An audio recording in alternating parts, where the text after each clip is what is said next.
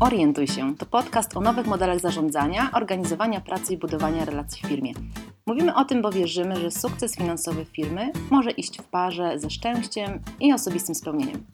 Ten sezon będzie oparty na ośmiu atrybutach nowego modelu zarządzania. W kolejnych odcinkach będziemy opowiadały o doświadczeniach, eksperymentach i metodach, które charakteryzują organizacje turkusowe. Ja się nazywam Ewa Bocian i jestem założycielką firmy Conscious Organization. Pomagamy organizacjom przejść z tradycyjnego modelu zarządzania, opartego na hierarchii, na bardziej ludzkie sposoby organizowania pracy oraz budowania relacji. Ja nazywam się Polina Grabowska i pracuję w firmie Syzygy Warsaw. Pełnię tutaj rolę wewnętrznego coacha, pomagam w napięciach, które pojawiają się między zespołami, ale też w sytuacjach osobistych. Od jakiegoś czasu mówię o tym, co się dzieje w naszej firmie na zewnątrz. W dzisiejszym odcinku będziemy kontynuowały temat e, transparentności i wybrałyśmy sobie jeden określony temat, który naszym zdaniem jest bardzo interesujący i jest to transparencja wynagrodzeń. My w Syzygy Warsaw mamy transparentne wynagrodzenia i zdecydowałyśmy się do tego odcinka zaprosić wspaniałych gości. Jest to Agnieszka i Grzegorz, którzy razem ze mną współpracują w Syzygy, ale zanim przedstawimy kto jest kim i co robi u nas w firmie, to mam taką propozycję na check-in i check-in to jest jakie skojarzenia mam z hasłem pieniądze. z jedzeniem i podróżami. Mm. No ja mam takie skojarzenie, że pieniądze e, bardzo mi się kojarzą z poczuciem bezpieczeństwa i że są dla mnie taką comfort zone, że pieniądze są ważne i potrzebne. Podzielam to zdanie, natomiast e, myślę też sobie bardziej, że same w sobie nie mają żadnej wartości i to jest troszeczkę przerażające. Mhm. Mm. To dla mnie kojarzy mi się z bezpieczeństwem, ale też wygodą i podróżami. Mhm. Jakoś Fajnie nam się to spięło. podobną energię tutaj mamy, jeśli chodzi o Trochę jestem takim pieniądze. pesymistą. No dobrze, słuchajcie, no to może zacznijmy od tego, żebyście e, pokrótce opowiedzieli o sobie, kim jesteście, jakie role pełnicie, od kiedy jesteście w Syzygy. Cześć, ja nazywam się Agnieszka Głuchowicz i jestem frontend deweloperką. Na tym opierają się moje główne zadania w Syzygy, ale też mam inne ciekawe role, e, na przykład Roles Master. Ostatnio też e, interesuję się Agilem, więc e, mam tutaj sporo ról z tym związanych. Oprócz tego jestem DJ-ką i mam swoją audycję w Radio Campus, ale pierwszy raz jestem w podcaście ogólnie oraz pierwszy raz jestem w podcaście, który ma y, jakiś temat bardziej biznesowy niż muzyczny. A ja nazywam się Grzesiek Dąbrowski. Również jestem frontend deweloperem w Syzygy, to moja główna rola. Oprócz tego również pełnię kilka innych. Jak na przykład ostatnio przyjąłem rolę e, teamowego Finance and Budget Guardiana, co mnie niezwykle e, fascynuje, biorąc pod uwagę to, że pracuję tutaj od niedawna, kończy się dopiero trzeci miesiąc w dniu, w którym to nagrywamy. W wolnych chwilach e, tańczę Lindy Hop, również mam background muzyczny i radiowy. W poprzednim swoim życiu zawodowym pracowałem w radiu, e, ale tak jak Agnieszka, również po raz pierwszy nagrywam podcast. E, Jestem trochę przejęty, ale i podekscytowany. Poczułaś presję? Ja się bardzo cieszę, że mamy takich gości, którzy y, nie pierwszy raz siedzą przed mikrofonem, bo z jednej strony to jest presja, a z drugiej strony poczucie bezpieczeństwa, że są osoby, które wiedzą, co robią. Super. Ja bym chciała zacząć od rozbrojenia może jednego mitu, bo często bardzo słyszę w środowisku organizacji, które idą w stronę turkusu, tych innych sposobów zarządzania i organizowania, że nie da się w Polsce upublicznić wewnątrz organizacji wynagrodzeń. A okazuje, że się da i wy to zrobiliście. Chodzi ci pod takim kątem prawnym, że Tak. jest to po prostu niemożliwe, nielegalne. Jeśli Tak. to będziemy robić, to będziemy łamać polskie prawo. E, I tak i nie, e, bo jak myśmy zaczynali w ogóle temat transparentnych wynagrodzeń, to oczywiście też pojawiła się taka myśl, czy my możemy to zrobić i czy to jest legalne. No i jak się okazuje, że jak człowiek porozmawia z prawnikami, e, to zawsze znajdzie się jakieś rozwiązanie, które mm, pozwoli nam na to, żebyśmy, no nie chcę powiedzieć obeszli jakoś prawo, ale tak je sobie dostosowali, żeby ono nam pomagało, a nie nam przeszkadzało. E, Więc my po prostu zdecydowaliśmy się, że te osoby, które mają umowy o pracę, muszą wyrazić zgodę na to, żeby wynagrodzenia i informacje, ile zarabiają, były dostępne tylko i wyłącznie w organizacji. Oczywistym jest to, że my tych danych nie upubliczniamy gdzieś na zewnątrz i o tym nigdy nie rozmawialiśmy, ale tutaj wewnątrz organizacji każda osoba, która do nas przychodzi, albo te osoby, które już były w firmie, po prostu wyrażały pisemną zgodę, że tak, zgadzam się na to, aby moje e, informacja o moim wynagrodzeniu była ogólnodostępna. I tak też się wydarzyło. I w związku z tym, że jak ludzie ze sobą rozmawiają i jedna i druga strona wyraża na coś zgodę, no to wszystko jest ok i wszystko działa. Oczywiście pomyślałam sobie, że może pojawi się taka myśl, haha, co się stanie, jeśli ktoś tak pomyślał, ale jednak później, jak będziemy się rozstawać w jakiejś konfliktowej sytuacji, to on to wykorzysta, że jednak nie chciał i tak dalej. No ale to jest snucie jakichś Mm. czarnych scenariuszy, które nas do niczego nie przybliżają, tylko oddalają nas od świata, w którym chcemy żyć. A był jakiś przypadek osoby, która nie chciała zgodzić się na to? Czy poszło po prostu gładko? Ja nie pamiętam, żeby ktoś powiedział nie. Oczywiście my zanim wprowadziliśmy transparentne wynagrodzenia, to nie wiem Aga, czy to pamiętasz, była jakaś dyskusja na Teamsach, że pojawiła się myśl, pojawiła się propozycja i zbieraliśmy sobie feedback chyba tam przez tydzień czy przez dwa. I to było takie miejsce, gdzie mogliśmy rozbroić te wszystkie lęki, które się pojawiały, bo to no, nie ma tutaj co kryć, jest to rzecz, której nie wiedzieliśmy, co się stanie. No i też, e, jak wcześniej rozmawiałyśmy w podcaście o różnego rodzaju eksperymentach, no to to jest taki eksperyment, którego już się nie odzobaczy. Jakby on, on jest na zawsze i już się nie da cofnąć później tej decyzji, którą się podejmie.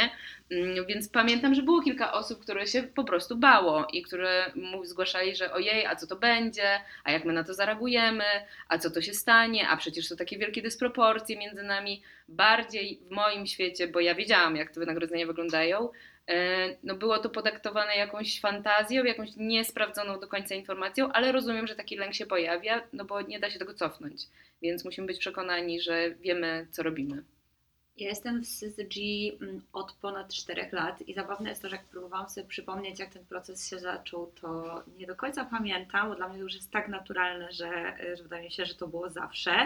Zastanawiałam się, czy nie uruchomiliśmy wtedy procesu decyzyjnego, takiego oficjalnego. I jakoś gdzieś mam taki przebłysk, że możliwe, że, mm, że tutaj po prostu poszliśmy tą drogą. Mamy taki specjalny proces, o którym pewnie gdzieś tam Mhm. mówiłyście lub będziecie mówić. E, No i wtedy po prostu osoby, które faktycznie czują, że, że jakby mają tutaj jakieś weto, to mogą je zgłosić, o ile to weto faktycznie ma jakieś podparcie. I nie wiem, czy tak nie zrobiliśmy tego wtedy, ale, ale szczerze właśnie nie, nie pamiętam. Z tego co ja pamiętam, to myśmy jeszcze nie mieli tego tak określonego, że jest jakiś konkretny proces, Okej. ale na pewno to, na czym nam zależało, to żeby zebrać reakcje, jakoś zaadresować te obawy i sobie o tym porozmawiać. Jak ja dobrze pamiętam, mówisz, że jesteś 4 lata w firmie, moim zdaniem myśmy w- transparentne wynagrodzenia wprowadzili jakieś 2 lata temu, mniej więcej. W Mhm. ogóle jak zaczynaliśmy całą transformację, to wydawało nam się, że to będzie jakiś ostatni e, krok i po prostu wisienka na torcie, bo sami, mówię tutaj o grzybach, czyli tym jakimś zespole zarządzającym i transformującym, wprowadzającym transformację, bardzo się tego baliśmy, bo rzeczywiście nie wiedzieliśmy, co to będzie oznaczało i z czym to się będzie je- jeść.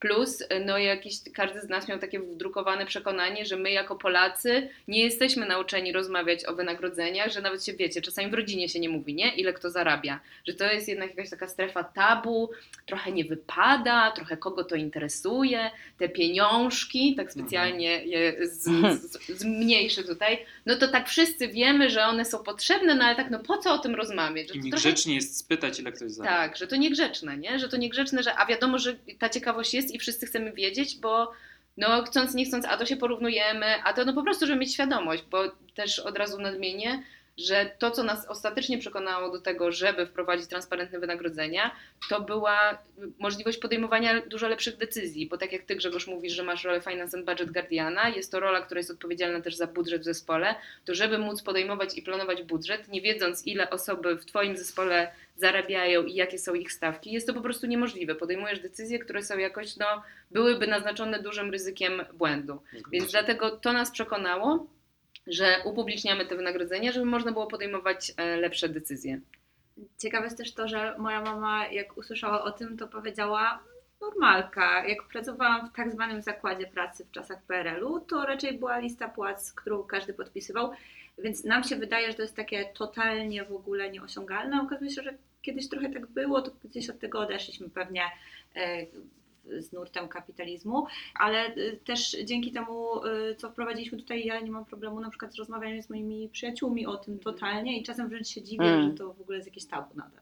Chciałabym dodać, że my w Polsce z jednej strony mamy łatwość z mówieniem o pieniądzach, ponieważ tak jak mówisz, w tych czasach dawnych komuny to wszystko było jawne, Mhm. ale dużo się działo pod stołem. A ponieważ dużo się działo pod stołem, to zawsze było wiadomo, że nikt nie mówi prawdy do końca. W związku z tym była ta przestrzeń takiej teoretycznej jawności i przyzwolenia na to, że jest przestrzeń, o której nie będziemy rozmawiać. I myślę, że to pomieszanie tych dwóch, transparentne, nietransparentne, nam po prostu też robi pewne zamieszanie. I powoduje, że musimy się wstydzić, bo w komunie, jak ktoś miał dużo kasy, No tak. to znaczy, że i tam się zawsze pojawiało dużo e, przekonań. Mhm. No dobra. A Grzegorz, jak to było dla Ciebie? Bo Ty przyszedłeś do SYZG, w której już były transparentne wynagrodzenia. Na a gotowe. na gotowe, dokładnie. A jednocześnie wyszedłeś z organizacji, w której było zupełnie inaczej. Tak, nie wiem czy oglądałyście Stranger Things. Mhm. Jest tam taki świat normalny, jest ten upside Mhm. down, no to firma, e, w której przez lata pracowałem, e, no właśnie była tym upside down, gdzie było zero transparencji, gdzie wiedza była narzędziem władzy, gdzie honoraria były uznaniowe, a obniżka tego honorarium nie wiązała się z żadnym e, feedbackiem czy z żadną informacją zwrotną dotyczącą tego, dlaczego tak to wyglądało. W związku z tym myślę, że dla mnie przyjście do Syzyg, do miejsca, które pokazuje, że e, można pracować inaczej, było o tyle łatwe, że ja z powodów związanych właśnie z tym brakiem transparentności z poprzedniej firmy odszedłem. Ja potrzebowałem miejsca, e, jakiegoś odświeżenia, w związku z czym ten, ten próg wejścia dla mnie był stosunkowo niski. Ja do tego wszystkiego podchodziłem z dużym entuzjazmem, z dużymi nadziejami, także obawami oczywiście, bo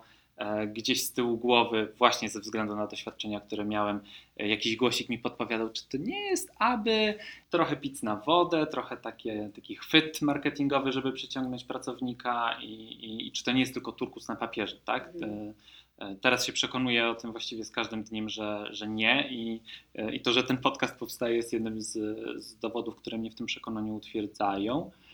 Natomiast dla mnie świadomość tego, że wszyscy będą wiedzieli, ile ja zarabiam, ale ja będę wiedział, ile wszyscy zarabiają, było takim potwierdzeniem tego, co na rekrutacji usłyszałem, że e, my potrzebujemy ludzi, którzy są dorośli, którzy są odpowiedzialni. Tak? E, To, tu nie ma mikromanagementu, tu ufamy w swoje kompetencje i, i dajemy przestrzeń na rozwój tych kompetencji, ale nie na zasadzie właśnie e, tego bata nad głową w postaci kierownika czy prezesa, którym wskazuje ci drogę, bo tak, tylko prędzej osoba z innej roli spyta cię, bo jesteś specjalistą, specjalistką w danej e, dziedzinie, w którą stronę powinniśmy pójść i nie wiem, e, mnie takie, takie, takie podejście do pracy bardzo pociąga, ale też nobilituje, bo z jednej strony czuję się częścią większego zespołu, częścią społeczności, w której jestem zaakceptowany. Z drugiej strony czuję, e, że ktoś ma do mnie szacunek i zaufanie, co jednocześnie też wywołuje we mnie pewną taką pozytywną presję i chęć pokazania się z jak najlepszej strony i wykonania jak najlepszej pracy. I dlatego właśnie przyjąłem rolę Finance and Budget Guardiana u siebie w zespole, bo po pierwsze nigdy wcześniej nie miałem wglądu w to, jak rzeczywiście wygląda biznes i byłem tylko pionkiem w grze, e, który wykonywał swoją pracę od A do powiedzmy B, a cała reszta e, była poza mną i, i nie wiedziałem, jaki procent wynagrodzenia, e, które, które dostaję, rzeczywiście składa się na, na, na cały obraz, E, ale też świadomość tego, rzeczywiście ile kosztuje moja praca teraz, mam tę świadomość, daje mi takie poczucie, że no okej, no, że, że powinienem i chcę być e, efektywny, bo ktoś ma wobec mnie jakieś oczekiwania, jakieś zobowiązania. Tylko, że to nie jest presja w postaci bata, a raczej e, pozytywnej takiej, e, mm, Takiej wewnętrznej motywacji. takiej nie? wewnętrznej Mm. motywacji, dokładnie.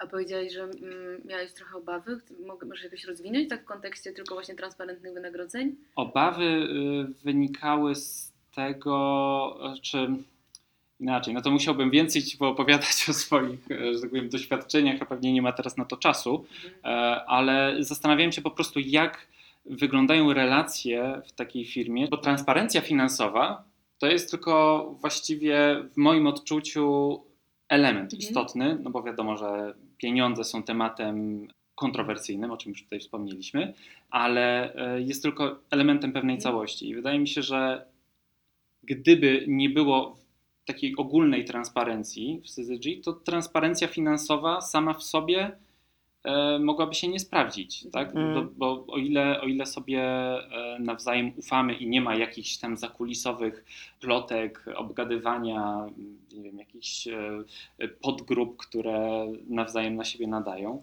znaczy, bo gdyby, gdyby, gdyby takie były grupy, no to, to, to nawet gdyby była transparencja finansowa, to, to i tak w- wydaje mi się, nie działałoby to w takim sensie bardziej, bardziej globalnym. I to była moja obawa, czy rzeczywiście e, za tą transparencją finansową idzie też transparencja w postaci otwartego feedbacku, mówienia sobie jakby otwarcie o tym, co się dzieje w firmie, czy jest dobrze, czy jest źle. Jeżeli jest źle, to dlaczego? Samo rozumienie, tak, udostępnienie wiedzy jest e, dla mnie no, dużym przejawem zaufania, szacunku, ale też pewnego rodzaju e, wymogu na mnie, żebym też to zaufanie i szacunek Mm. okazywał. Mhm.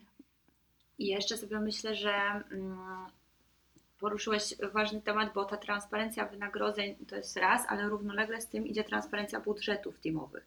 My jakby teraz widzimy, y, ile zarabiamy, ile nasi klienci nam płacą, możemy tak naprawdę jakby jakoś to układać, mieć na to wpływ i to, to też się łączy, że, że troszeczkę jest tak, że my wiemy też, z czego nasze pensje wynikają. To nie idzie z kosmosu albo jakiś tajemniczy duszek z jakiegoś woreczka nam tutaj nie wysypuje tych e, talerów. Więc, więc to, a też jeszcze mm, pełniąc rolę e, team rekrutera, widziałam różne reakcje. Mhm. Mm, Faktycznie na to, kiedy mówimy na jakiejś tam pierwszej dzwonce, pierwszej rozmowie e, z kandydatami, że mamy między innymi transparentne wynagrodzenia, jest różnie. Dla niektórych to jest właśnie coś takiego pociągającego. Czasami jest jakaś obawa. No, pewnie tak jest z większością e, rzeczy tych około turkusowych, o których mówicie, że Mm. ludzie reagują różnie, bo to jest dla nich w pewnym sensie nowe. A ty, Aga, pamiętasz, jak to było, jak zmienialiśmy i był ten moment tego switchu? Czy to w tobie to rodziło jakieś e, obawy? Ja byłam totalnie 100% na tak. Wiem, że u mnie w teamie było różnie i wydaje mi się, że, że moment samego ujawnienia był taki, że okej, wszyscy w to na jakiejś fali weszliśmy i gdzieś, e, nie wiem czy nie spoileruję e, do Waszych następnych pytań, ale gdzieś dopiero chwilę później pojawiło się takie echo tego i te wątpliwości zaczęły e, się pojawiać z takim jakby opóźnieniem. To było Mhm. ciekawe, że jakby nie nawet w momencie dzisiaj dostaliśmy plik, w którym jesteśmy wszyscy i czytamy, tylko każdy sobie to przetrawił, przespał się w tym i dopiero wtedy zaczęły wychodzić Hmm. e, jakieś tam problemy. A opowiesz o tym więcej, bo to ciekawe. No, myślę, że mieliśmy kilka osób, które faktycznie e, gdzieś były zaskoczone. Raczej to działało w tę stronę, że były zaskoczone tym, że one zarabiają mniej od innych. Mm, Wydaje mi się, to znaczy ja przynajmniej nie słyszałam e, nigdy takiej opinii lub głosu. E, nie wydaje mi się, żeby ktokolwiek miał problem z tym, na przykład ile zarabiała osoba, która wtedy nazywała się naszym prezesem. W sensie Mhm. Wydaje mi się, że to było jakby takie, totalnie wszyscy to przyjęli i to było ok. Natomiast bardziej te takie różnice w podobnych wtedy jeszcze stanowiskach, bo nie Mhm.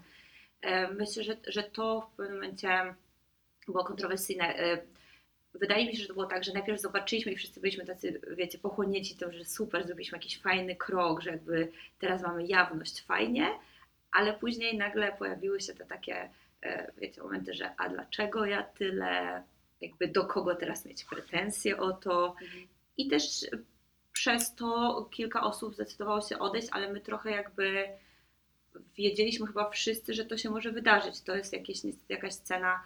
e, Znaczy, niestety, niestety, po prostu nie wszystko jest dla wszystkich i tak w to wierzymy, nie?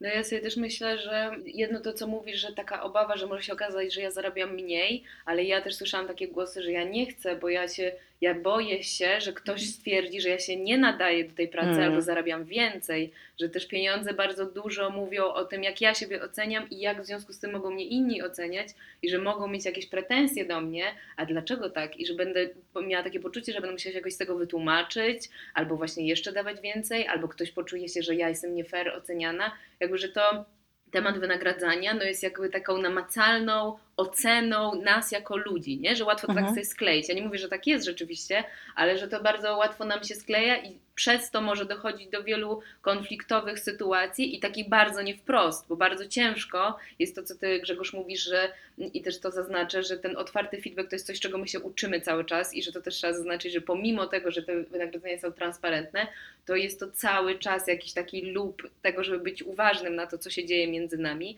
bo nawet jeśli ten feedback jest otwarty, to ciężko komuś powiedzieć, że kurczę, ja to chyba się nie zgadzam do końca z tym twoim wynagrodzeniem, bo uważam, że jednak to, to i to, no to mógłbyś robić lepiej, nie? Na przykład za te pieniądze. I to jest też, e, jak ja sobie myślę o tych początkach, a gdzie jesteśmy teraz, to wydaje mi się, że mamy coraz większą świadomość tego, że no to jest jakaś też wspólna kasa, którą my tu mamy jako Syzygi, na którą decydujemy się dzielić ją w zależności od kompetencji i dzięki temu też możemy sobie dawać bardziej taki miarodajny feedback i więcej od siebie wymagać. To jest nadal, my jesteśmy w procesie uczenia się, bo to nie jest łatwe, e, bo to też mówi o jakiejś naszej świadomości takiej biznesowej i właśnie tej zgody albo niezgody, no ale to też bardzo blisko się styka koleżeństwa, jakichś relacji międzyludzkich i że to też może wpływać, nie? Więc ważne jest też to i bym chciała to zaznaczyć, że ten temat i transparentności i transparentnych wynagrodzeń to jest tylko jakiś kawałeczek i wokół tego, w związku z tym, że jest tak wiele emocji i tak wiele nieumiejętności rozmawiania i radzenia też sobie z emocjami, które w nas się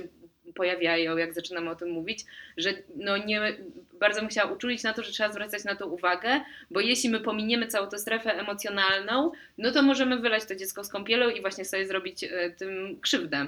I ja wiem, że myśmy też, o, też to mieliśmy na uwadze, że tak też może się wydarzyć, to o czym ty Aga mówisz, no wiedzieliśmy, że tak się może stać, nie? Jedno to była kwestia transparentnych wynagrodzeń, ja pamiętam też, że w ogóle transparencja i to, co się dzieje, e, jaki mamy biznes, a jeszcze wtedy były czasy pandemii, no to bywało różnie, moim zdaniem było dobrze, ale dla niektórych było gorzej, więc też ludzie się decydowali, ja nie chcę tego widzieć, ja nie chcę się tym, mnie to stresuje, ja nie chcę tego wiedzieć, wolę jednak sobie gdzieś tam być z boczku, robić to od A do B i dla mnie to jest ok, nie? Jeszcze zwłaszcza w takim świecie IT i w świecie programistów, gdzie mam możliwość decydowania sobie z dnia na dzień, gdzie chcę pracować, ile chcę zarabiać i w jakim chcę być miejscu.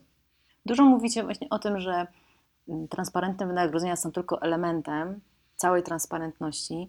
I jak myślę w ogóle o transparentności, to mam poczucie, że to jest długi proces. To nie jest też proces, który da się zrobić z dnia na dzień i do tego trzeba się przygotować. I cały czas mam z tyłu głowy, że jest taka jedna rada chyba na wszystkie bolączki każdej organizacji i człowieka. Rozmawiać otwarcie i szczerze. I mam wrażenie, że rozmawianie otwarcie i szczerze o tym, co nam to robi, że to nie jest tylko o pieniądzach, że to nie jest tylko ty mi dajesz swój czas i kompetencje, e, my ci dajemy pieniądze, ale to jest o naszej wartości, to jest o tym, jak my się czujemy w relacjach, czy my się w ogóle czujemy doceniani, czy nie. Pieniądze są pewnym sposobem na to, żeby być wdzięcznym za to, co ktoś robi, jak kontrybuuje do większej całości. I myślę sobie, że gdy podejdziemy do tego tak na miękko, a nie na twardo, jak w takim tradycyjnym biznesie e, się podchodzi, to ten proces może być bardzo rozwojowy dla organizacji i może za sobą ciągnąć bardzo dużo y, no, nowych tematów do rozstrzygnięcia, ale może otwierać ludzi i pomagać im z jednej strony przełamywać swoje osobiste gdzieś tam ograniczenia, ale z drugiej strony też, to jest to, co właśnie mówiłeś Grzegorz, mieć taką wewnętrzną motywację, ja teraz wiem, ile to kosztuje, ile ja kosztuję, jak ja kontrybuuję, co to wszystko znaczy i czuję odpowiedzialność za biznes jestem bardziej świadoma biznesu. No ja tak ze swojej też perspektywy, jak ty mówiłeś o tym, że mam taką wewnętrzną motywację do tego, no to ja też mam takie poczucie, że to pokazanie wynagrodzeń jakoś wyrównuje nasze relacje, nie? Że okej, no dobra, no skoro tutaj wy wszyscy płacicie mi tyle, no to ja czuję się zobowiązana, żeby dowieść tę wartość, nie? W takim, ale że w ogóle, no, że po prostu jeśli wiem, to nie muszę się domyślać, nie muszę się zastanawiać i sobie tam tworzyć jakichś różnych fantazmatów, że o Jezus Maria, ten to pewnie tyle, a ten to może nie robi aż tak dużo, a, a myślę, że o Boże, bo przecież, nie wiem, programiści, nie? Bo też sporo było takich e, u nas rozmów, że mam takie poczucie, że właśnie to wyrównuje i jakoś tak pozwala mi no to jest, mi się bardzo podoba to, co ty powiedziałeś, że, że to rzeczywiście budzi tą wewnętrzną motywację do tego, żeby kontrybuować i też wiedzieć jakby jak ta transakcja wygląda, bo chcąc nie chcąc jest to jakiś rodzaj transakcji. I mam jeszcze taką myśl na temat tego procesu, bo często my próbujemy na trudne tematy, na trudne problemy znaleźć perfekcyjne rozwiązania i mam takie poczucie, że y, transparentność wynagrodzeń może być taką przestrzenią, że będziemy chcieć zrobić to perfekcyjnie od razu. I oczywiście w takiej metodologii, no ja ze swojego punktu patrząc, są różne punkty, o których warto pamiętać, ale o tym pogadamy później. Natomiast zastanawiam się, jak Wy przeprowadziliście ten proces, bo wiem, że też eksperymentowaliście i zrobiliście wiele iteracji i zmian. Jeśli chodzi o iteracje i zmiany, to pewnie w ogóle w kontekście całej polityki wynagradzania, jakiejś filozofii, którą mamy i no, jesteśmy cały czas w tej drodze, bo tak jak już tutaj wcześniej wspominałyśmy z Agą, no jeśli chodzi o upublicznienie tych informacji, no to rzeczywiście wcześniej zrobiliśmy sobie jakieś ćwiczenia, żeby też zweryfikować, czy te informacje, które krążą po firmie, że mamy aż tak strasznie duże dysproporcje, no ja też miałam y, taką świadomość, że na pewno ktoś, się zda, ktoś stwierdzi, że jest niesprawiedliwie y, Mhm. wynagradzany, nie? Z, jednej strony, że za mało, ale ktoś też może stwierdzić, że na przykład za dużo w kontekście innych osób. Więc warto sobie na początku trochę sprawdzić to, czy rzeczywiście to niesie ze sobą aż tak realne zagrożenie, e, no bo bywa różnie w organizacjach. Ja, wiedząc jak jest, miałam poczucie, że to nie jest aż tak drastyczne, żeby to mogło zrobić aż tak e, hardkorowy damage.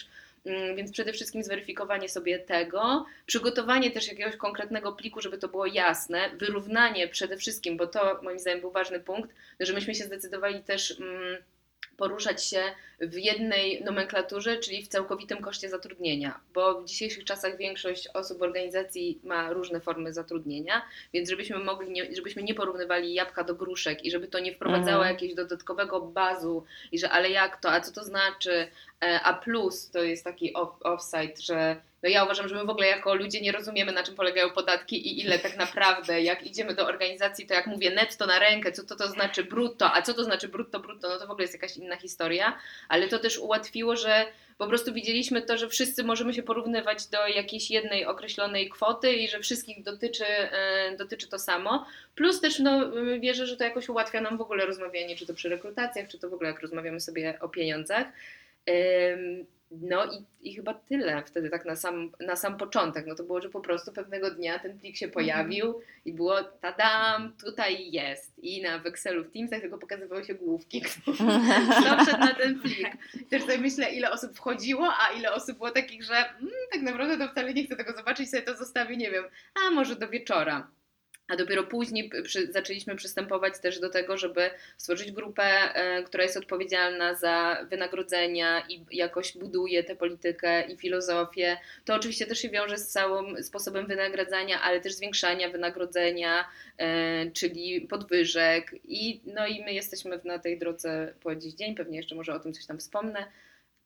Ale to jest to, też jedna rzecz, którą ty powiedziałeś, że jest taka złota rada. To druga rzecz to, żeby mieć też takie przekonanie, że po pierwsze nie znajdziemy idealnego rozwiązania, a po Mm. drugie, no z biegiem czasu może też się okazać, że my będziemy musieli wprowadzić jakieś usprawnienia, coś przestanie działać, żeby być też mm, na to wyczulonym. Ale też wierzę, że im bardziej budujemy relacje, im bardziej my mm, zaczynamy tak wewnętrznie się motywować tym, że ej, no to dotyczy nas wszystkich i to jest jakby nasz temat, a nie firmy, czyli jakiegoś tworu, który gdzieś tam sobie orbituje prezesa albo kogokolwiek, nie? Bo czasami firma to już jest taki, takie coś, nie wiadomo w sumie co, ale jak zaczynamy myśleć, że firma, no to jesteśmy my, no to też każdy z nas może być czuły i taki wrażliwy, że okej, dobra, no coś tutaj zaczyna nam skwierczeć i chyba nie do końca idziemy w tym kierunku, o który nam chodziło i może warto zacząć coś z tym zrobić, czyli że każdy może być takim sensorem i krzyknąć, że hej, no coś tu zaczęło się Mm. rozjeżdżać i ja to widzę, bo nawet jak e, mamy rekrutację i pojawiały się jakieś takie tematy, że o, chcemy rekrutować kogoś, kto jest poza widełkami,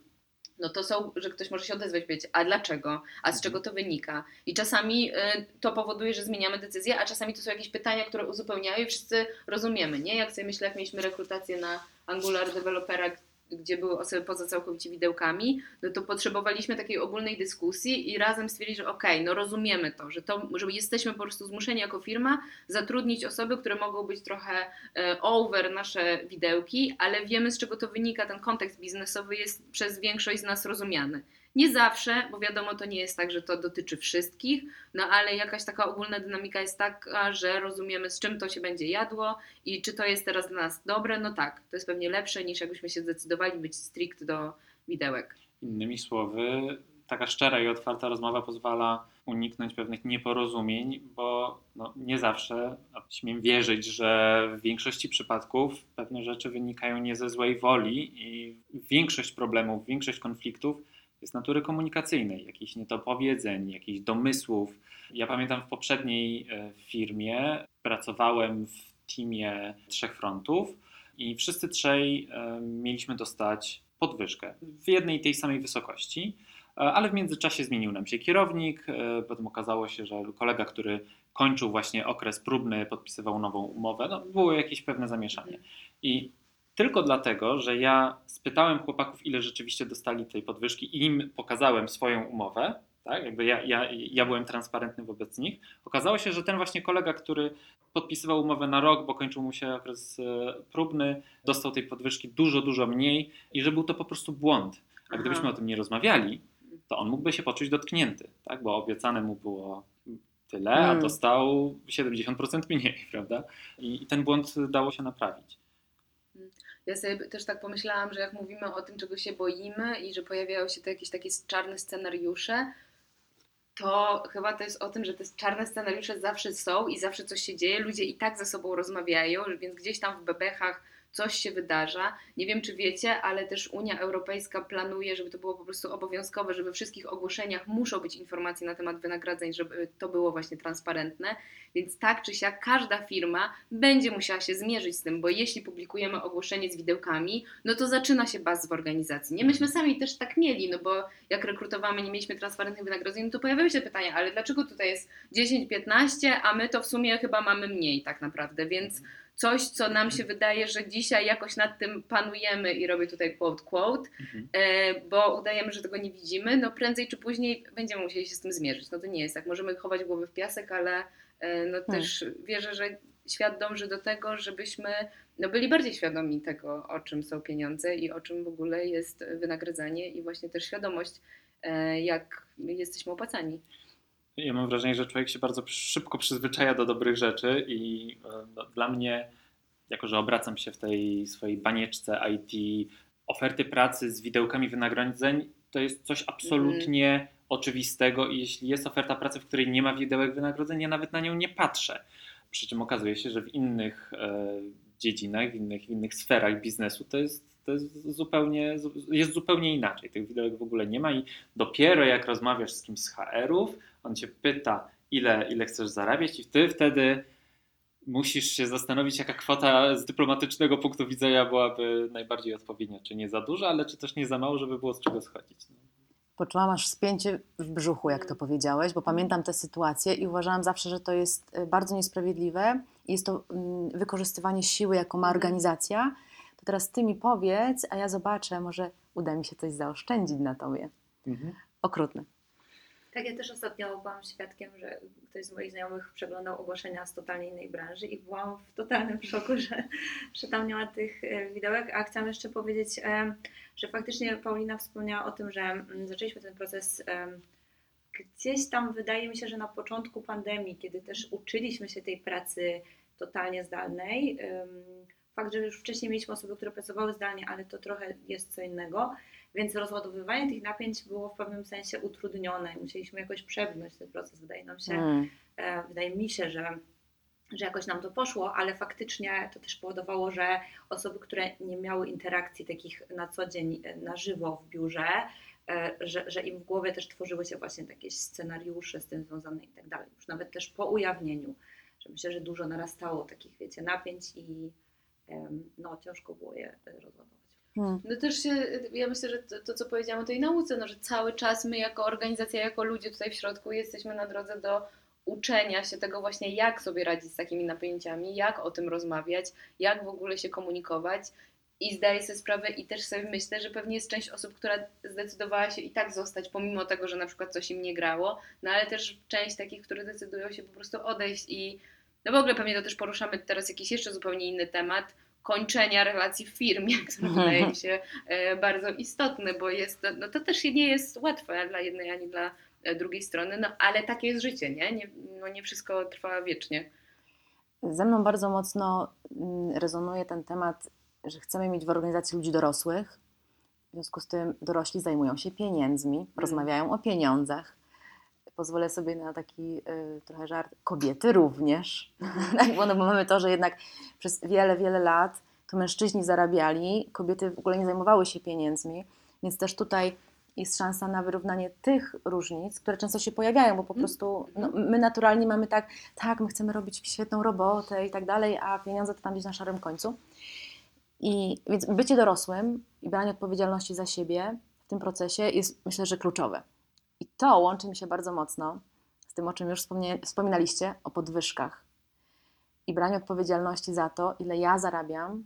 Jeżeli czuję, że zarabiam za mało, za dużo, to się zazwyczaj rzadziej zdarza, ale może również, to mogę coś z tym zrobić i mogę złożyć wniosek. Jak to się u Was dzieje? Jak taki proces teraz podwyżkowania się dzieje, biorąc pod uwagę, że byliście po wielu różnych próbach i eksperymentach, które doprowadziły Was do jakiegoś punktu? Ja chciałam, zanim opowiemy Ci o samym procesie, to jeszcze może powiedzieć o czymś, co jest dla mnie ważne, jak, jak o tym rozmawiamy, że, że też ta odpowiedzialność, to jest odpowiedzialność za to, ile ja zarabiam, jak ja się z tym czuję, ale też za to, e, jaki jest budżet mojego teamu i wydaje mi się, że super dorosłe jest też to, że ja na przykład wnioskując o podwyżkę, wiem na ile mogę sobie pozwolić, żeby mój team nadal dobrze funkcjonował. Mm. Konsultujemy to właśnie z Finance and Budget Guardianami, którzy mają dostęp do tych samych danych co my, tylko że po prostu bardziej trzymają nad tym pieczę, często po prostu są bardziej kompetentni. I to jest moim zdaniem bardzo fajne, że jakby ja tutaj nie, nie wyskoczę teraz z kwotą z kosmosu, bo czuję się współodpowiedzialna za to, żeby mój team dobrze funkcjonował. I to moim zdaniem się bardzo łączy. Mm. A jeśli chodzi o proces, to chyba też jak y, z ujawnieniem tych wynagrodzeń, wydaje mi się, że próby przekombinowywania y, jakoś nam się y, nie powiodły w tym sensie, że, że widzimy, że takie najprostsze y, rzeczy po prostu działają, czyli po prostu zbieramy feedback od osób, z którymi pracujemy, mówimy, ile uważamy, że na ten moment chcielibyśmy zarabiać, z czym byśmy się czuli komfortowo. I mam po prostu grupę y, osób pełniących rolę salary guardianów, którzy znowu jakby zajmują się tym, więc są tutaj w tej dziedzinie kompetentni. Ważne jest też, że ufamy im. W sensie mówię oczywiście o tym, jak ja to czuję, ale myślę, że to jest podstawą tego systemu, że po prostu ufamy, że oni tutaj podejmą jakby dobrą decyzję ostatecznie, jeśli chodzi o tę podwyżkę. Oni oczywiście też mają dostęp do wszystkich danych, więc y, mniej więcej tak ten proces wygląda z mojej perspektywy. Ty, Paulina, pewnie możesz powiedzieć więcej jako salary guardian. Tak, bo ciekawe jest dla mnie to, y, kto podejmuje decyzję, bo jak rozumiem, jeżeli chcę wziąć podwyżkę, dostać podwyżkę, to mówię ile, zbieram feedback, przekazuję to do grupy Salary Guardians i oni podejmują decyzję, czy ja mam prawo weta, jak to się potem właśnie dzieje?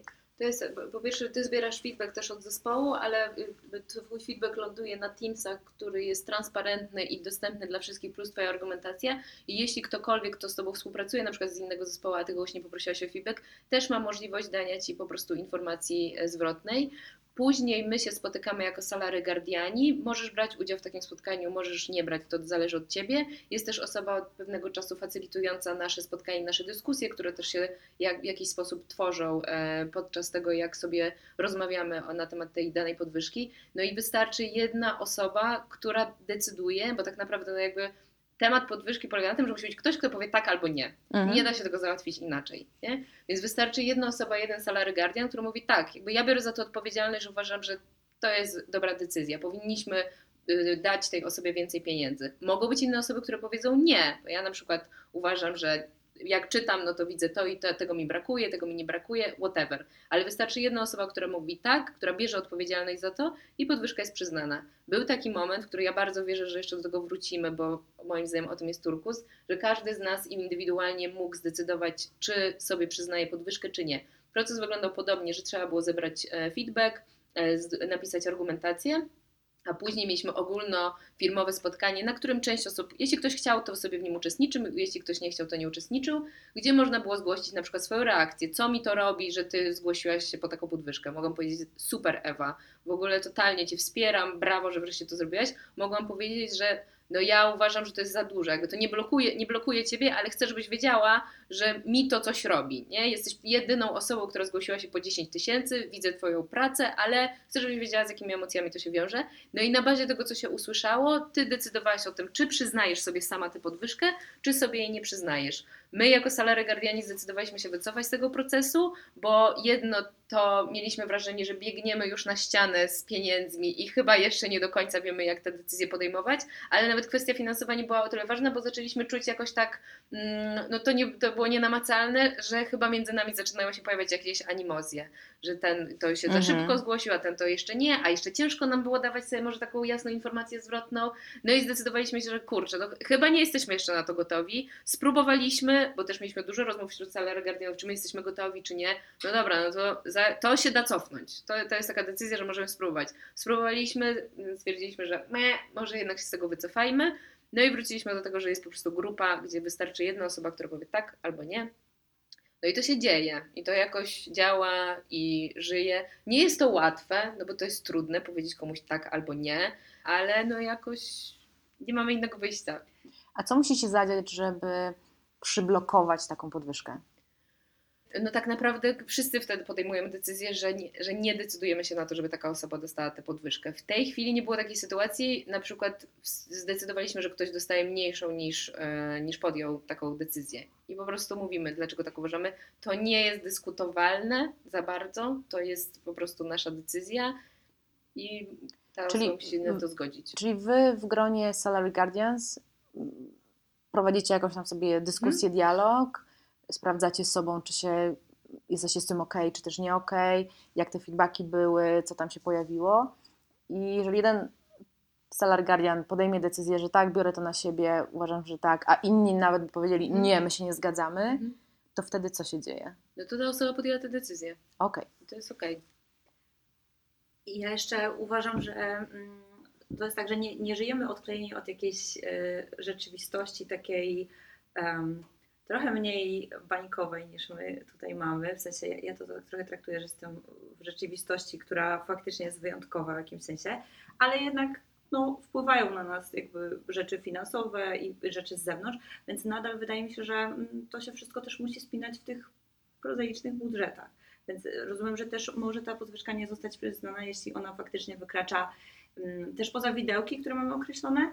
Mamy też taką macierz ról, na której się opieramy, więc wydaje mi się, że to wszystko się musi spinać, ale też e, jakaś taka dojrzałość, moim zdaniem już na poziomie naprawdę wysokim. to jest zaufanie do salary guardianów, jak już powiedziałam, ale wydaje mi się, że naprawdę warto to podkreślić, że osoby wykonują swoją rolę najlepiej jak potrafią i w to wierzymy. Y, A dwa, że nadal, pomimo że już odeszliśmy od procesu podejmowania tej decyzji totalnie samodzielnie, to nadal mi się wydaje, że bardzo duża część tej decyzji to jest właśnie inicjatywa wnioskującego, Mhm. a nawet jakby decyzja wnioskującego. Bo to ja jakby wnioskując trochę sama jakby podejmuję jakąś dużą część tej decyzji. Że, No ja wychodzę z jakąś propozycją, ja wiem najlepiej i tak dalej. No, czasami rzeczy, i to jest pewnie rzecz, której my się cały czas uczymy, na ile ja rozumiem też, jakiego rodzaju moje kompetencje wpływają na organizację i jak, i to jest chyba to najtrudniejsze pytanie, jak zmieniła się ta moja wartość, bo to, co ja widzę, to często patrzymy tak, że no, pracuję już tutaj x czasu, dlatego poproszę podwyżkę. Jest inflacja, dlatego poproszę podwyżkę. Yy, nie wiem, no, zmieniła się moja sytuacja życiowa, dlatego chciałbym zarabiać więcej. I pewnie są może czasami takie momenty, które w jakiś sposób jesteśmy w stanie to zaargumentować. Ja ich na ten moment nie widzę, ale yy, od jakiegoś czasu też zdecydowaliśmy się stworzyć konkretny framework, gdzie odpowiadamy sobie na pytanie, jak zmieniła się moja wartość pod kątem moim osobistym, pod kątem mojego zespołu i jak też pod kątem y, organizacji, że sama muszę po prostu się nad tym zastanowić i zdecydować, co zmieniło się od kiedy zarabiałam X, żebym mogła zarabiać Y, no bo to jest, no z czegoś wynika ten wzrost. Jakoś mój poziom kompetencji, doświadczenia, wpływu, czy to na zespół, na organizację, a może na mnie samą, decyduje o tym, że ta kwota powinna się zmienić. I znów lądujemy w temacie, że oprócz tego, że musimy szczerze rozmawiać, to jeszcze musimy mieć refleksję. Mhm. no w samej organizacji w Turkusie nie da się inaczej. I myślę, że to też jest jeden z takich przekazów, które my tu mamy cały czas w podcaście, że zatrzymanie się na chwilę i pomyślenie o tym, co jest, jak my chcemy inaczej jest po prostu kluczowe. Ja tylko dodam jeszcze, bo też jak powiedziałeś o tej grupie Salary Guardianów i o tym, że wystarczy jedna osoba, która podejmuje decyzję, my też od, no jesteśmy już pewnie z dwa lata grupą roboczą, czyli też tworzymy jakiś zespół. My między sobą też mamy relacje, my między sobą też dużo rozmawiamy o wynagrodzeniach, o tej perspektywie, o kontekście szerszym, węższym, więc no to nie jest też tak, że to jest jakaś grupa ludzi zbite, gdzie my się od czasu do czasu spotykamy i no trochę się kojarzymy, trochę nie, ale w sumie to nigdy nie gadamy i trochę co komu się wydaje, to podejmujemy decyzję. Nie, my też przeszliśmy bardzo trudny proces mm, no, takiego integrowania się i jakoś mm, uwspólniania naszego sposobu myślenia, bo początki, kiedy pierwszy raz w życiu wzięliśmy na siebie tę odpowiedzialność, te półtora roku temu, no to był hardcore, to było po prostu bardzo, bardzo trudne, bo nagle my, ludzie, którzy nigdy nie podejmowali takich decyzji, musieli powiedzieć komuś, czasami ze swojego zespołu, nie dostaniesz tych pieniędzy, bo zgłosiło się nas wtedy prawie 25 osób, budżet nie jest z gumy, wiemy też w jakich realiach funkcjonujemy, no to nie było łatwe, ale też mam poczucie, że bardzo nas jako grupę, w której jestem, scementowało. E, I teraz pomimo tego, że nie jest to zawsze komfortowe, no to ja, ja widzę po prostu, jaki myśmy też progres zrobili. Mm. Ja mam takie poczucie, że trzeba mieć sporą odwagę, żeby y, brać na siebie rolę salary guardiana. Zawsze mam taki szacunek do Mm. osób. Jeszcze się nie odważyłam, ale Tak, jesteśmy już przy tych tipach. Ja tak sobie myślę, że jeżeli ktoś y, z naszych słuchaczy myśli o takiej transformacji i o transparentności wszelkich danych i wynagrodzeń, to co byśmy im poradzili z Waszego, mojego doświadczenia? Ja już wcześniej mówiłam o tym, że wydaje mi się, że czasem przekomplikowywanie procesów e, jest niekorzystne, więc ja chyba bym radziła, żeby po prostu to zrobić. E, oczywiście warto sprawdzić, czy, e, czy, czy osoby w organizacji są z tym ok. Też oczywiście nie możemy tego zrobić wbrew woli ludzi, tylko zmierzam do tego, że po prostu, po prostu to zrobić, bo to jest dość zero-jedynkowy proces, tak jak już powiedziałyśmy. Oczywiście też warto mieć świadomość, że jest nieodwracalny. jako jeden z niewielu jest, jakby bo my czasem stosując podejście zwinne mówimy spróbujmy, najwyżej się sparzymy. No to tutaj jest to delikatne dość, no bo jak już to pokażemy, no to Mm. już to pokażemy. Ja- ja- Po prostu to zrobić. Jak o tym mówisz, to to, co ja obserwuję, jest ważne i też organizacje, mm, z którymi miałam do czynienia, które wprowadziły wynagrodzenia jawne, mm, wprowadzały, to zanim zrobimy ten akt nieodwracalny, to sprawdźmy to, co Paulina mówiłaś, jakie są te różnice, czy one są naprawdę wielkie i co my z nimi zrobimy. Czy my mamy taką przestrzeń w budżecie, że będziemy wyrównywać te widełki, czyli ci, którzy będą mieli mniej, mają mniej, mogą mieć więcej, żeby byli w ramach tych widełek. E, Żebyśmy byli po prostu przygotowani, bo są pytania, które padną i możemy je bardzo łatwo przewidzieć, więc warto się nad nimi zastanowić też wcześniej. I w tym kontekście myślę, że super istotne jest to, że w momencie, kiedy publikujemy te dane, to jest przeszłość, która wpłynęła na to, co w tym pliku jest. I my musimy po prostu mieć jasność, że tam działy się różne rzeczy. Czasami był rynek pracownika, czasami pracodawcy. Czasami branża była w dołku, czasami w górce. Czasami ktoś miał lepsze umiejętności negocjacyjne, czasami ktoś miał gorsze. Zmieniali się ludzie, którzy podejmowali te decyzje i no to już było. Tego nie odwrócimy i musimy po prostu to przyjąć na klatę. I jeżeli mamy z tym jakieś napięcia i problemy, no to musimy to przeprocesować i o tym znowu rozmawiać otwarcie. E, Ale tego już nie da się cofnąć. Jedyne, co możemy zrobić, to zobaczyć, gdzie jesteśmy i jak my chcemy w przyszłości inaczej zarządzać pieniędzmi w organizacji. No ja myślę, że to jest super ważne, co mówisz, czyli nie bać się też tych trudnych rozmów, bo one będą na pewno. Nie mamy tutaj żadnej złotej rady, że o, jak zrobisz to tak i w taki sposób, to Mhm. nikt nigdy niczego nie powie i niczego nie pomyśli i nie poczuje też się albo skrzywdzony, albo zadowolony jakkolwiek. Czyli mieć w sobie taką gotowość i otwartość na to, że mogą być trudne pytania, że nadal jest to temat pieniędzy, który jest tematem wrażliwym, że musimy być po prostu no, jakoś też się w tym wspierać, bo też to moim zdaniem, i to chyba nie padło, no, w związku z tym, że myśmy się zdecydowali upublicznić te informacje i podyskutować trochę o tym, co my myślimy, no to nie jest też tak, że to jest tylko decyzja kogoś tam, tylko że to też jest nasza wspólna decyzja, więc my też w zespole, czy po prostu między sobą, w jakichś przyjacielskich, nawet bardziej stosunkach, będziemy o tym rozmawiać. To nam coś będzie robiło, więc to nie jest znowu, że to firma zdecydowała i ten byt gdzieś tam stworzony jakiś duch, tylko no to jest nasza decyzja. Ja myślę, że my pewnie wtedy jeszcze aż nie mieliśmy takiego poczucia, bo zaczęłam sobie myśleć, co by jakbyśmy dzisiaj to wprowadzali, to myślę, że no, no, ciężko, ciężko sobie gdybać, ale żeby mieć takie, żeby to podkreślać, że to jest nasza wspólna decyzja, a nie tylko tam kogoś, no i żeby pewnie dużo było też takich rozmów w ogóle w podejmowaniu decyzji, żeby później powiedzieć, e, no ja to w sumie nie chciałem, no ja to, ja to wiedziałam, że tak będzie, że to będzie trudno, więc teraz to możecie mieć pretensje do siebie, no tylko to jest to pytanie, czy my budujemy zespół, czy budujemy sobie jakieś takie wolne elektrony, które od czasu do czasu coś razem robią. Moim zdaniem mega ważne jest też to, co powiedziałaś Ewa o tej przeszłości, żeby to odciąć grubą kreską, bo ja pamiętam, jak to teraz powiedziałaś, to przypomniały mi się sytuacje, e, kiedy my czasem sami siebie, nawet w teamie, tak jakby stopowaliśmy, mówiliśmy, dobra, to jakby było i sami sobie trochę mówiliśmy, okej, dobra, jakby właśnie nie wnikamy, nie drążymy, zastanówmy się, co możemy teraz zrobić z pewnymi napięciami, które się pojawiły, ale faktycznie też jakby ni- nie będziemy nigdy znać tego kontekstu, co się wydarzało za tą Mhm. kurtyną jeszcze wtedy, nie? Mhm. Więc... No i że to też jest ważne, że jest taka pokusa do oceniania przyszłości na bazie tych nowych zasad, które między nami krążą. Tak, nie? Czyli nowej o- wiedzy, którą mamy oceńmy teraz. tym transparentnym sposobem myślenia to, co się działo nietransparentnie.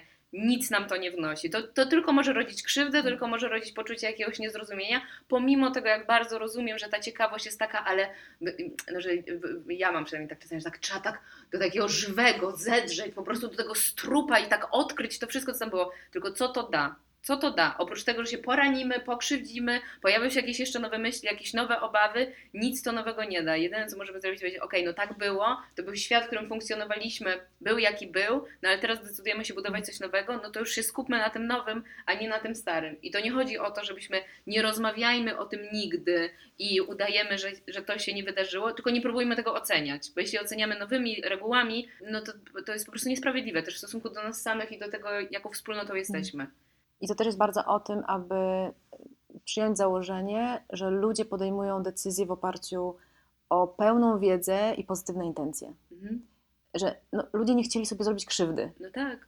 Po prostu chcieli współpracować, takie mieli możliwości i finansowe, intelektualne, taką wiedzę, umiejętności negocjacyjne, no i taki był tego efekt na wtedy.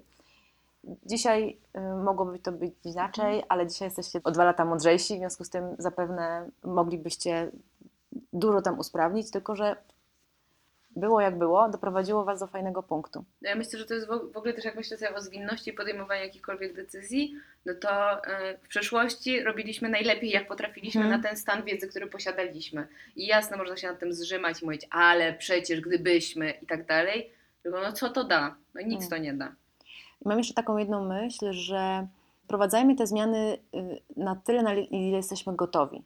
Więc jeżeli nie mamy transparentności pełnej i nie jesteśmy w stanie w tym momencie udostępnić całych wynagrodzeń, to może widełki. Tak. A może wprowadźmy najpierw w ogóle jakąkolwiek praktykę feedbackowania, żebyśmy byli w stanie rozmawiać bardziej otwarcie i szczerze. Więc gdziekolwiek organizacja jest, tyle zróbmy, ile możemy. Nie musimy szukać tych perfekcyjnych, całościowych rozwiązań. No i to też nie jest pewnie o tym, że da się zaimplikować, jeśli to u nas zadziałało w taki sposób, no to gdzieś tam zadziała Jasne. też, tylko żeby być takim właśnie uważnym na to, w jakiej my jesteśmy organizacji i na co my kładziemy nacisk i to, co jest dla nas ważne i próbować i szukać jakiegoś rozwiązania najlepszego dla siebie. I biorąc pod uwagę, że nie jesteśmy w stanie zadowolić wszystkich. I zawsze ktoś będzie niezadowolony z każdej decyzji, i do każdej decyzji można się doczepić i znaleźć jakieś plusy i minusy. Teraz nie wiecie, co robimy, patrzymy po sobie i sprawdzamy, czy jest coś jeszcze, co chcemy dodać, ale wygląda na to, że wszystko zostało powiedziane. A jeżeli macie jakieś pytania, coś Was nurtuje i nie zostało dopowiedziane, no to dajcie znać. Możecie nas znaleźć na LinkedInie przede wszystkim, napisać do nas maila, zadzwonić, zapukać do syzydzi, do drzwi Tak, można. Zapraszamy. i zapytać. Super, dzięki wielkie. Mi było bardzo przyjemnie sobie o tym porozmawiać i bardzo dziękuję za tę energię. Ja również dziękuję. Ja też dziękuję i za zaproszenie, i za wiedzę, której się dzisiaj tutaj dowiedziałem. Było super, dzięki. Dzięki również.